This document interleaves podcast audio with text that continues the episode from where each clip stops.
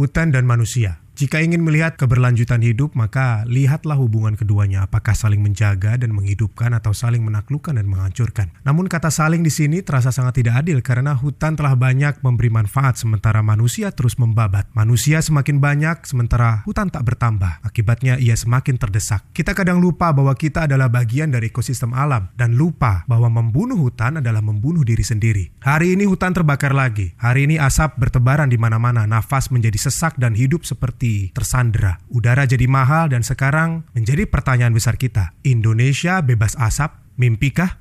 Inilah Authentic.co bersama saya Bagus Ade Saputra. Authentic.co Assalamualaikum warahmatullahi wabarakatuh. Shalom, Om Swastiastu Nama budaya, salam kebajikan Apa kabar? Sahabat-sahabat otentik di Gojek Di perjalanan ke kantor, di kamar mandi Di mana pun Anda berada. Bertemu lagi dengan saya Bagus Ade Saputra Di authentic.co Dan hari ini kita akan membahas isu yang sangat penting Yang sekarang sedang terjadi di Indonesia Yaitu masalah kebakaran hutan. Dan banyak sekali efek-efek negatif yang ditimbulkan darinya. Selama tahun 2019 Data KLHK menyebutkan Total kebakaran hutan dan lahan telah mencapai 328 8.722 hektar. Sementara indeks kualitas udara di Palangkaraya 16 September kemarin mencapai angka 500. Itu artinya bahaya bagi seluruh populasi yang berada di daerah itu. Pertanyaan yang ingin kita jawab hari ini adalah mengapa itu terus berulang? Bisakah kita terbebas dari kebakaran hutan dan asap? Dan apakah sekarang menjadi mimpi yang muluk untuk kita menghirup udara segar? Dan yang terpenting, apa yang bisa kita lakukan? Untuk membahas itu semua, telah hadir bersama saya di sini Bapak Dr. Insinyur Ruanda Agung Sugadirman, MSc, Direktur Jenderal Pengendalian Perubahan Iklim Kementerian Lingkungan Hidup dan Kehutanan Republik Indonesia. Apa kabar Pak Rwanda? Terima kasih sekali atas waktunya di tengah-tengah yang sibuk ini telah menyempatkan ngobrol bersama kami Pak. Ya, terima kasih atas kehadirannya di sini. kita akan ngobrol bagaimana kita Kementerian Lingkungan Hidup menghadapi semua keadaan kondisi akhir-akhir ini. Iya, dan di sini uh, saya mau ngasih tahu ke teman-teman semua, kita akan buat ini semua menjadi mudah dan fun supaya kalian bisa meningkatkan awareness kalian terhadap kebakaran hutan ini. Oke Pak, pertanyaan pertama Pak. Salah satu tugas dan fungsi dari Ditjen PPI ini saya baca di websitenya Pak. Betul. Koreksi kalau saya salah Pak. Betul, ya. Salah satunya adalah mitigasi perubahan iklim melalui pengendalian kebakaran hutan. Ya. Nah di sini kata pengendalian mengesankan bagi saya bahwa hmm. kebakaran hutan dan lahan itu memang tidak bisa dihindari Pak. Ya. Dengan berbagai alasan. Nah pertanyaan saya, apakah betul lingkungan hidup itu selalu harus berada dalam dilema pembangunan dan perlindungan? Dan apakah betul itu kondisi kita hari ini bahwa hutan memang harus mengalami kebakaran sehingga kita hanya bisa mengendalikannya bukan menghentikannya sama sekali Pak. Terima kasih. Ini pertanyaan anak-anak muda memang sangat menantang ya bagi kami di sini. Kalau kita hadapi kebakaran 2019 ini yang kalau menurut statistik kami, menurut catatan kami masih jauh dari kebakaran 2015 yang hmm, kemarin. Yeah. Tahun 2015 yang terbakar seluas 2,6 juta hektar. Coba bayangkan wow. betapa luasnya yang terbakar pada waktu 2015 ya. Sekarang sampai dengan 31 Agustus yang terbakar 328 ribu hektar. hektar. Jadi jauh sekali dibanding dengan 2015.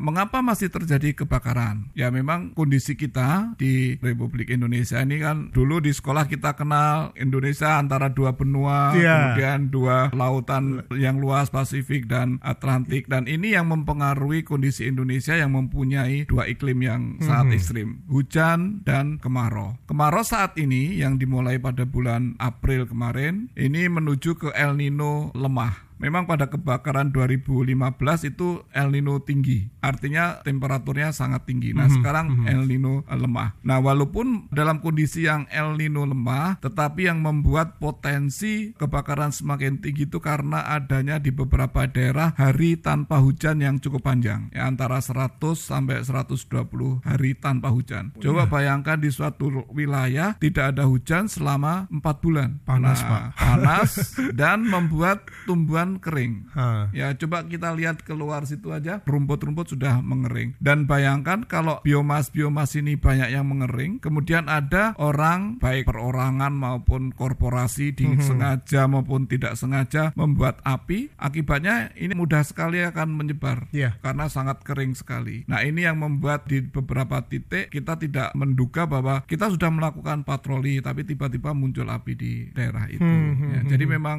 kondisinya sedang kering sering sekali di beberapa wilayah Indonesia. Hmm. Oke, apakah KLHK atau Ditjen yang Bapak pimpin di Ya. sini punya Manggal Agni? Ya. Apakah itu salah satu fungsi Manggal Agni di pangan bisa dijelaskan nggak sih Pak? Ya. Manggal Agni itu apa? Apa Ya. tugas mereka? Siapa saja mereka? Ya, oke. Manggala Agni itu adalah Brigade Pemadaman Kebakaran dari Direktorat Jenderal Pengendalian Perubahan Iklim di KLHK, Kementerian Lingkungan Hidup dan Kehutanan. Hmm. Kami mempunyai Manggala Agni sejumlah 2000 orang. 2000 orang. 2000 orang Hmm. tersebar di seluruh provinsi terutama Sumatera, Kalimantan, Sulawesi. Di sana kita bagi dalam daerah operasi. Ada 34 daerah operasi Manggala Agni ini. 17 ada di Sumatera. Kemudian masing-masing daerah operasi ini mereka membawai sekitar 4 sampai 5 regu. Oke. Ya, dalam satu regu itu ada 15 orang. 15 orang. Ya, jadi di- bisa dibayangkan di Sumatera itu ada kira-kira sekitar 400 atau 600 tenaga manggalakni di sana. Oke, oke. Dan dia siap setiap saat apabila terjadi kebakaran yang terjadi di hutan dan di lahan. Lahan itu di areal di luar kehutanan. Nah, Baik. misalnya perkebunan kebakaran ya kita bisa juga turun ke sana untuk memberikan eh, bantuan untuk pemadaman. Mereka volunteer Pak? Enggak, kita kontrak. Tapi dari masyarakat berarti Pak ya? Kita rekrut dari masyarakat Oke, ya. oke, Tapi oke. kita training, kita training selama satu bulan penuh di Jakarta di Ciracas ini di bawah dinas pemadam kebakaran DKI. Kita training satu, satu bulan sana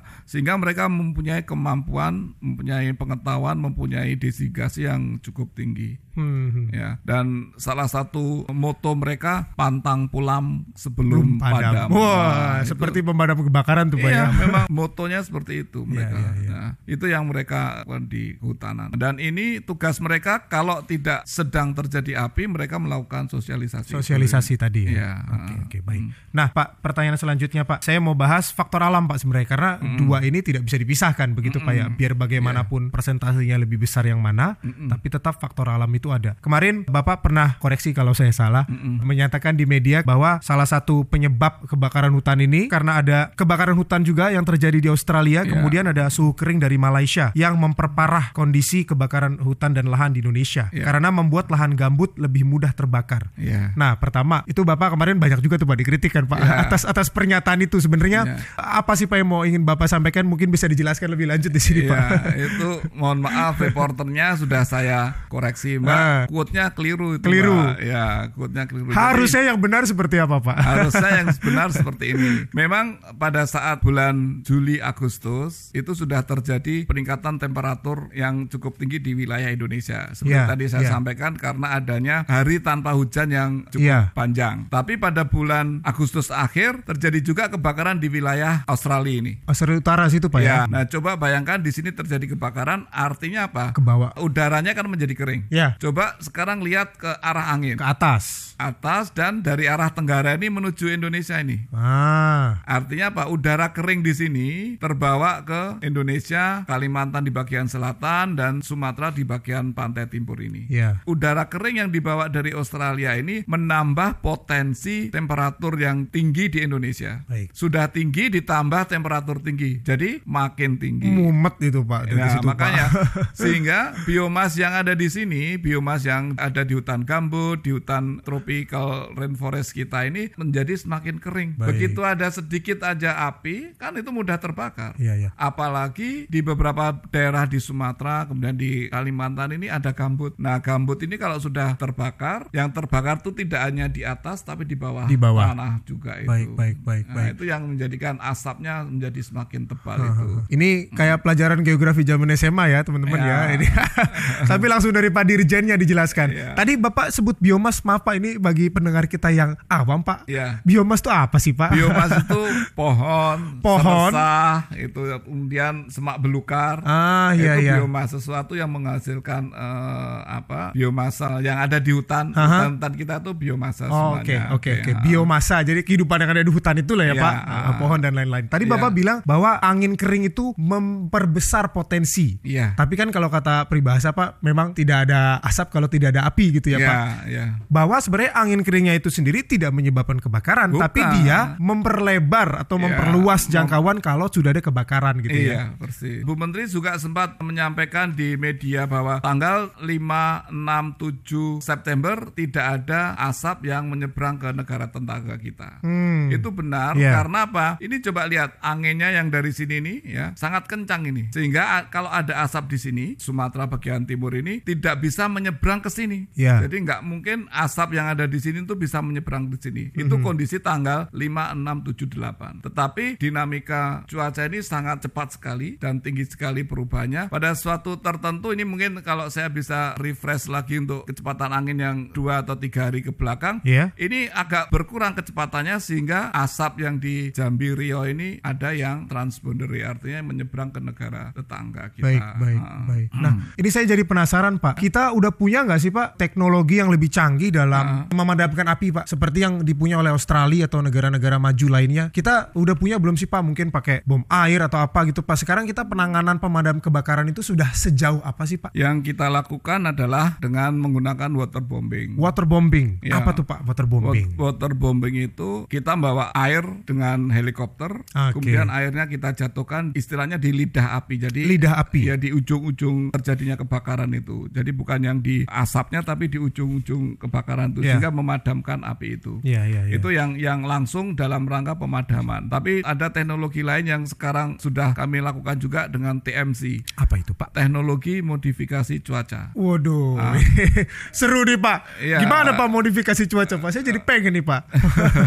Jadi yang kita lakukan kerjasama dengan BPPT, kemudian BMKG dan BNPB. Ini kalau kita lihat di awan kan, kalau mau hujan apa dulu yang kita lihat? Cumulonimbus. Wah. Ya, ada awan, Ada awan. ya awan itu. Nah, awan itu kalau kita pengen itu segera terjadi hujan, ada sesuatu teknologi yang kita bisa lakukan. Wow. Kita siramkan garam di awan itu. Siramkan garam di awan. Iya, sehingga terjadi percepatan kondensitas. Kondensitas, Ya, oke. sehingga terjadi dari awan menjadi butir-butir air. Iya. Nah, kemudian itu yang jadi hujan. Teknologi modifikasi cuaca ini kita melihat di mana ada bibit-bibit awan itu. Hmm. Nah, kita upayakan kalau bisa bibit-bibit awan yang tepat di atas lokasi-lokasi kebakaran. Baik. Nah, di lokasi itu akan kita sebarkan garam dengan pesawat terbang. Jadi kita bawa ribuan kilogram garam NaCl di dalam satu pesawat, biasanya Hercules. Kemudian kita terbang, kita cari titik bibit-bibit awan yang ada di atas yang terjadi kebakaran itu. Kita sebarkan di sana, itu akan mempercepat terjadinya kondensasi Baik, terhadap awan-awan ini. Nah, itu akan menjadikan hujan akan segera terjadi. Oke, oke. Ya. Jadi di situ ada peran dari bapak-bapak AU juga Pak ya? Itu Iya, kerjasama iya. Angkatan Udara pasti Pak Iya, ya? Iya, iya, iya, Jadi iya. BPPT teknologinya, BMKG untuk melihat arah angin dan di mana terjadinya awan, BNPB dengan tenaga operasionalnya, TNI AU pesawat terbangnya. Oke, jadi Iya. itu bisa disebutkan mengatasi kebakaran Iya. hutan sebenarnya tanpa mengandalkan air yang, Iya, yang kita betul. siram sendiri Pak Iya, ya. Jadi ini memang iya. memanfaatkan nature Pak. Kira-kira Iya, gitu kan. betul, Saya iya. Hmm. baca juga soalnya Ditjen PPI kan memitigasi bencana dengan mempertimbangkan sifat dari nature. Wah, saya baca Iya, tuh Pak. Itu betul, salah iya. satunya ya Pak. Iya, kita- Apa namanya iya. aplikasinya? Dan yang penting kita harus berdoa. Betul Pak. Iya. Terus berdoa Pak ya. Terus berdoa. Oke Pak, pertanyaan selanjutnya Pak, sebenarnya apa sih yang bisa kita lakukan gitu Pak ya, sebagai masyarakat atau anak muda dalam meningkatkan awareness mereka nih Pak Iya. terhadap isu-isu seperti ini, apa sih Pak yang telah pemerintah lakukan gitu Pak untuk membuat partisipasi anak muda ini menjadi semakin besar untuk isu-isu Iya. seperti ini Pak? Ini yang saya tiga hari yang lalu ada perwakilan BEM BEM Jabodetabek Pak ya. datang ke sini meminta penjelasan apa ya saja yang sudah dilakukan. Kemudian mengapa ini masih tetap terjadi ya? Saya memberikan penjelasan di sana dan saya mengundang juga partisipasi dari rekan-rekan adik-adik anak-anak mahasiswa ini untuk berpartisipasi ini. Ini saya berterima kasih dengan kehadiran mereka. Artinya apa? Upaya-upaya yang dilakukan oleh KLHK itu bisa sampai Iya. mereka disampaikan ke teman-temannya. Eh, pemerintah nggak tinggal diam loh. Mhm. Nah, dan yang saya challenge juga eh, harus juga kritis kepada pemerintah daerah Hah, Nah, itu yang kunci, Pak. itu yang menjadi Kuncinya Pak. eh, kunci dari pencegahan ini semuanya. Iya, Jadi iya, iya. jangan selalu melemparkan permasalahan ini ke pemerintah pusat. Iya, iya, Karena iya. mereka yang tahu pertama kali yang terjadi itu ya di daerah masing-masing itu. Betul. Kalau misalnya anak-anak muda milenial ini berpartisipasi ikut dalam tanda kutip yang mengontrol atau memberitahu atau mengingatkan pemerintah daerah, eh lakukan ini segera. Ah, ini sebelum terjadi api besar akan lebih baik. Iya, gitu. jadi memang bagi teman-teman yang ada di daerah Mm-mm. itu justru sasarannya adalah sebenarnya pemerintah daerah karena kebijakan itu yang megang di sana kan. Betul. Ada bapedaknya Bapeptena, dari perencanaan, kemudian kuasa anggaran juga dari kepala daerah gitu kan Pak. Izin lingkungan. Izin lingkungan pun bukan di pemerintah sana. pusat kan, ada Ya. di daerah gitu loh. Ada beberapa. Ada izin beberapa. Di pusat ada ya. Heeh, jadi jadi memang harus fair gitu Pak, harus jernih Ya, gitu persis, dalam ya. melihat Ya. ini tuh seperti apa gitu kan. Agenda apa sih Pak yang dimiliki sebenarnya oleh KLHK untuk membuat anak muda ini berkontribusi terhadap lingkungan sehingga hal-hal ini seperti ini tidak terjadi lagi. Apakah ada program atau apa Pak misalkan? Ini kami dari Direktorat Jenderal Pengendalian Perubahan Iklim ini menyadari betul ini. Kalau kita lakukan sendiri pemerintah mengambil kebijakan tanpa melibatkan masyarakat, tentu apa yang kita siapkan ini tidak begitu efektif. Ya. Oleh karena itu kita informasikan ini, kita undang juga anak-anak muda ini agar ikut berpartisipatif langsung maupun tidak langsung. Caranya seperti apa? Ini kita kenalkan misalnya bagaimana kita harus mengurangi emisi misalnya. Oke. Emisi Indonesia cukup besar. Ini terutama karena dari perubahan tutupan hutan ini. Mhm, mhm. Mengapa demikian? Kalau hutan dibuka berubah menjadi tanah terbuka, ya, ini yang menyebabkan emisi kita menjadi tinggi. Baik. Atau energi bahan bakar fosil, Fosil. fuel itu, ya, itu yang menyebabkan juga udara Jakarta kita lihat beberapa akhir ini sangat poluted ya. Ya. Setelah dilakukan beberapa penelitian, yang menyebabkan ini adalah kendaraan bermotor. Kendaraan bermotor. Ya, itu yang menjadi concern Iya, kita. Heeh. Jadi memang buat teman-teman semua yang tinggal di Jakarta yang nggak ketemu pohon nih Pak, Iya. memang kalian nggak bisa membakar pohon atau hutan, Iya. tapi kalian bisa berkontribusi untuk menjaga lingkungan dengan misalkan pakai transportasi umum. Iya. Jadi konteksnya tuh beda gitu loh dengan Iya, teman-teman yang ada di daerah Iya, gitu loh. betul, Jadi iya. lo semua sebenarnya bisa berkontribusi untuk lingkungan gitu loh, Iya, karena permasalahan lingkungan bukan cuma kebakaran hutan Pak ya, Iya, persis ya. bukan cuma asap, tapi Iya. kota ini juga kita Sampah. sampah. Sampah itu juga mengakibatkan emisi kita tinggi. Iya, Ah, iya, iya. Apalagi kalau sampah mencemari laut, kemudian spesies yang di laut juga terpengaruh juga. Itulah. Ya, itu yang menjadikan semakin berat lingkungan kita. Iya, itu. dan kualitas hidup makin menurun karena kalian buang sampah ke sungai misalkan, Iya. terus bermuara di laut, ikan-ikan, kerang apa segala macam terkontaminasi dengan itu, kalian makan ikan. Iya. Jadi kayak Kalian makan plastik juga. kalian makan plastik. Jadi Iya. itu tadi proses saya di awal, Pak, Iya. bahwa ya membunuh alam, membunuh hutan ini sebenarnya membunuh diri sendiri Tahu nggak kita kita memproduksi sedotan plastik itu sehari berapa? Berapa, Pak? 90 juta. Kita duduk di makanan siap saji ya, berlima, pesen minuman soda, pasti ada sedotannya. Nah, itu kalau satu kelompok 5 sedotan plastik, di sana ada 10 pesta ulang tahun sedotan plastik lagi. Ini kalau dikumpulkan sehari 90 juta sedotan plastik. Bayangkan itu dibuang ke mana? Kalau di- itu yang sampai ke laut yang menjadikan itu mikroplastik itu. Kalau mikroplastik itu kan hewan nggak tahu ini makanan enak atau enggak. Pokoknya ada ada itu terapung nah langsung di dimakan sama dimakannya. dia. Dan Nah. itulah mungkin saya melihat dari komposisi anggaran Pak yang ada di KLHK itu Iya. 74% koreksi kalau saya salah. Iya. Itu untuk hutan ya Pak, reboisasi Iya, hutan itu kan betul. berarti memang pencegahan itu memang jadi prioritas di Iya. KLHK ini. Iya. Koreksi saya Pak kalau salah, betul Iya. nggak tuh Pak? Jadi kita menyadari bahwa deforestasi kita masih cukup tinggi ya. Oleh karena itu kita harus imbangi penurunan tutupan hutan itu dengan penanaman. Mhm. Nah, ini sudah menjadi kalau bahasanya birokrat itu intervensi anggaran. Intervensi anggaran. Ya, jadi bagaimana kita bisa merubah sesuatu itu menjadi signifikan harus ada intervensi yang cukup nyata. Ya. Artinya apa? Itu harus dilakukan dengan penambahan anggaran yang cukup besar. Nah, sejak tahun 2018, 2019, 70 sampai 80 persen anggaran KLHK ini ditujukan untuk rehabilitasi hutan. Rehabilitasi hutan. Ya, Berapa uangnya Pak kalau dalam miliar? 3,4 triliun. Triliun. Ya, Luar dua- biasa. 2,1 triliunnya untuk penanaman. Jadi kalau lainnya untuk mungkin untuk prasarana sarana ya untuk gaji, yang real untuk penanaman 2 triliun. 2 triliun. Ya, ini ditanam atau diaplikasikan di mana saja. Kita mempunyai peta daerah kritis. Nah. Nah, daerah kritis ini sekitar 14 juta hektar. Dari situ kita melis menjadi daerah-daerah yang prioritas. Nah, kemudian kita petakan daerah-daerah mana yang prioritas. Nah, itu yang akan kita lakukan penanaman kembali. Baik, Gitu. baik. Jadi memang pesan yang ingin disampaikan dari komposisi anggaran itu adalah menanamlah pohon lebih banyak karena itu mencegah Ya, Pak ya. ya. Itu ada pencegahan yang paling bisa dilakukan dan pencegahan yang paling Dan utama. kita punya program di Kementerian LHK ini, satu orang menanam 25 pohon sepanjang hidup. Sepanjang hidup. Iya, paling tidak itu minimal. SD kita tanam 5 pohon. Iya. Ya, misalnya uh, pergi dengan sekolah dasar kita tanam 5 lima pohon, SMP kita lima pohon lagi, SMA lima pohon lagi, mahasiswa kita bareng-bareng dengan gerakan mahasiswa kita tanam lima pohon lagi. Yang terakhir lima pohon pada saat kita ijab kabul. Bapak melakukan itu nggak Pak? Itu romantis banget Pak. Ijab Iya. kabul Kevi kita menanam Iya. pohon Pak ya. Iya. Artinya paling tidak kita punya kesempatan bisa menanam 25 pohon sepanjang hidupnya. Ya kalau tentunya teman-teman di KLHK ini sudah lebih dari itu. Karena setiap kegiatan misalnya Hari Rimbawan, kita akan pasti melakukan penanaman itu. Wah, Ya. itu program yang menarik Pak harus Iya. disosialisasikan oleh penghulu-penghulu Pak bahwa tanamlah pohon sebagai Iya. tanda cinta gitu Pak ya. Dan, dan kami sudah mulai itu. Jadi kalau cendera mata habis nikahan itu kalau di Manggala ini kita sarankan, kita himbau hadiahnya jangan gelas dong, jangan plastik dong, tapi diberi bibit. Bibit. Iya benar ini sudah kita lakukan. Iya, Jadi iya. yang tamu-tamu pulang membawa bibit untuk ditanam. Alhamdulillah kalau saya pribadi melakukan itu Pak, tapi Ah, belum ijab kabul Pak ya.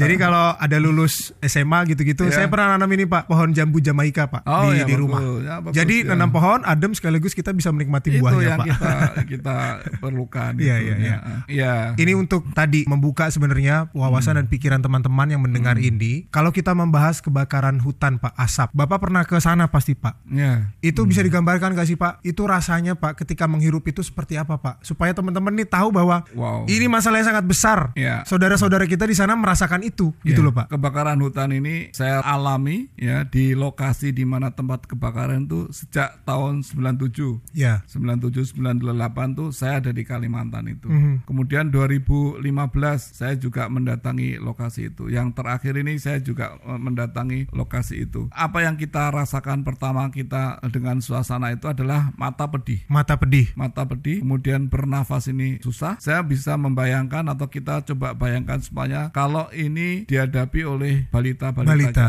ya atau bayi yang baru lahir ini. Kalau tidak disediakan ruangan yang penuh dengan oksigen atau oksigen yang sehat akan sangat membahayakan sekali. Jadi betul-betul menyiksa. Jadi keprihatinan saya terhadap apa yang terjadi di Sumatera Kalimantan ini tentunya itu menjadikan dorongan kami untuk siap siaga di lapangan untuk mengerahkan seluruh Manggala Agni kami ini di lapangan untuk membantu pemadaman itu. Ya. Tugasnya sangat mulia yang kita Iya. harus dukung dan saya baca beberapa kisah Pak artikel dari Iya. warga-warga yang di sana dan mereka tidak berlebihan kalau mereka menganggap bahwa mereka tersandra. Ada Iya. satu keluarga Pak yang karena asapnya sangat pekat, pasar tutup, tidak ada warung buka, mereka setiap hari cuma bisa makan mie instan karena persediaan makan mereka sudah habis. Itu. Jadi banyak sekali masalah yang bisa ditimbulkan Pak ya Iya. di kehidupan Jadi kalau sehari-hari. dinilai secara ekonomi ya memang luar biasa kerugian ini. Tahun 2015 sudah dihitung kerugiannya katanya 220 triliun.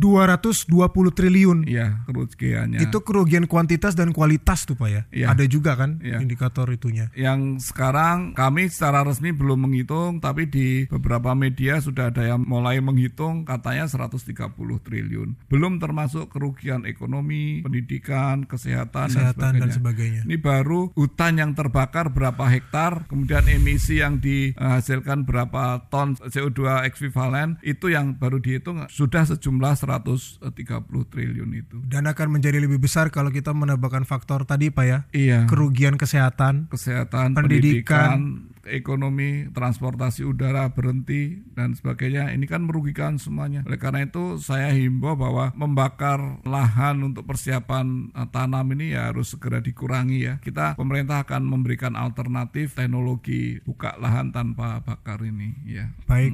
Terima kasih banyak. Terima kasih Pak, kembali. Semoga Ya. teman-teman yang mendengarkan ini minimal wawasan mereka bisa terbuka Iya. terhadap environmental ethics ini Pak dan mereka bisa sebenarnya menjaga lingkungan di Persis. Lingkungan tempat dia tinggal. Persis minimal itu mereka bisa menjaga lingkungannya sendiri ya. Minimal bisa menjaga lingkungannya sendiri. Iya. Terima kasih banyak Pak Rwanda atas waktunya. Kami berikan support terus, dukungan terus kepada teman-teman di Dirjen PP ini. Iya. Kemudian untuk teman-teman Manggala Agni di lapangan, Mm-mm. sekian ribu orang itu semoga Iya. lancar terus, sehat-sehat terus Terima dalam menjalani tugasnya. ya, terima kasih dukungan dan doanya.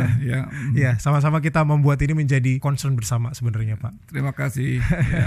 Baik teman-teman sekalian itu dia perbincangan kita yang sangat menarik tapi karena Pak Dirjen sibuk ya. Saya sih mau nih sampai malam tapi Pak Dirjen wah harus rapat dari ini segala macam. Hmm. Jadi kita akan sambung lagi per- perbincangan ini dengan isu eh, apa tema-tema lainnya. Bapak punya sosial media Pak yang bisa di-follow atau apa Pak? Di di Jen PPI aja. Oke, bisa di Jen di-follow, PPI di ya. eh, Twitter atau Instagram Pak? ada semuanya. Ada Ya, semuanya. ah. Bisa disebutkan satu apa? Eh, biar teman-teman eh, inform, well inform tentang Iya. eh, apa namanya masalah-masalah Ya, lingkungan ini. Di Jen PPI menlhk.go.id itu Oke. ada salah satunya. Website juga ada. Oke. Banyak informasi yang bisa diambil dari sana. Informasi uh, bagaimana peran Indonesia di kancah internasional. Betul, Ya. sebagai eh, National Focal Agency Pak ya. ya National Focal Point. ya. Point, sorry. Ya, mm, Nah itu, oke Ya. teman-teman bisa cek semua tentang ada indeks eh, kualitas udara dan lain-lain di websitenya KL, eh, KLHK KLHK, apa ya, ya. dan itu eh, semua bisa dicari di situ. Oke, baik jangan lupa juga di follow eh, Instagramnya Authentic, authentic.co dan kemudian di follow Spotify supaya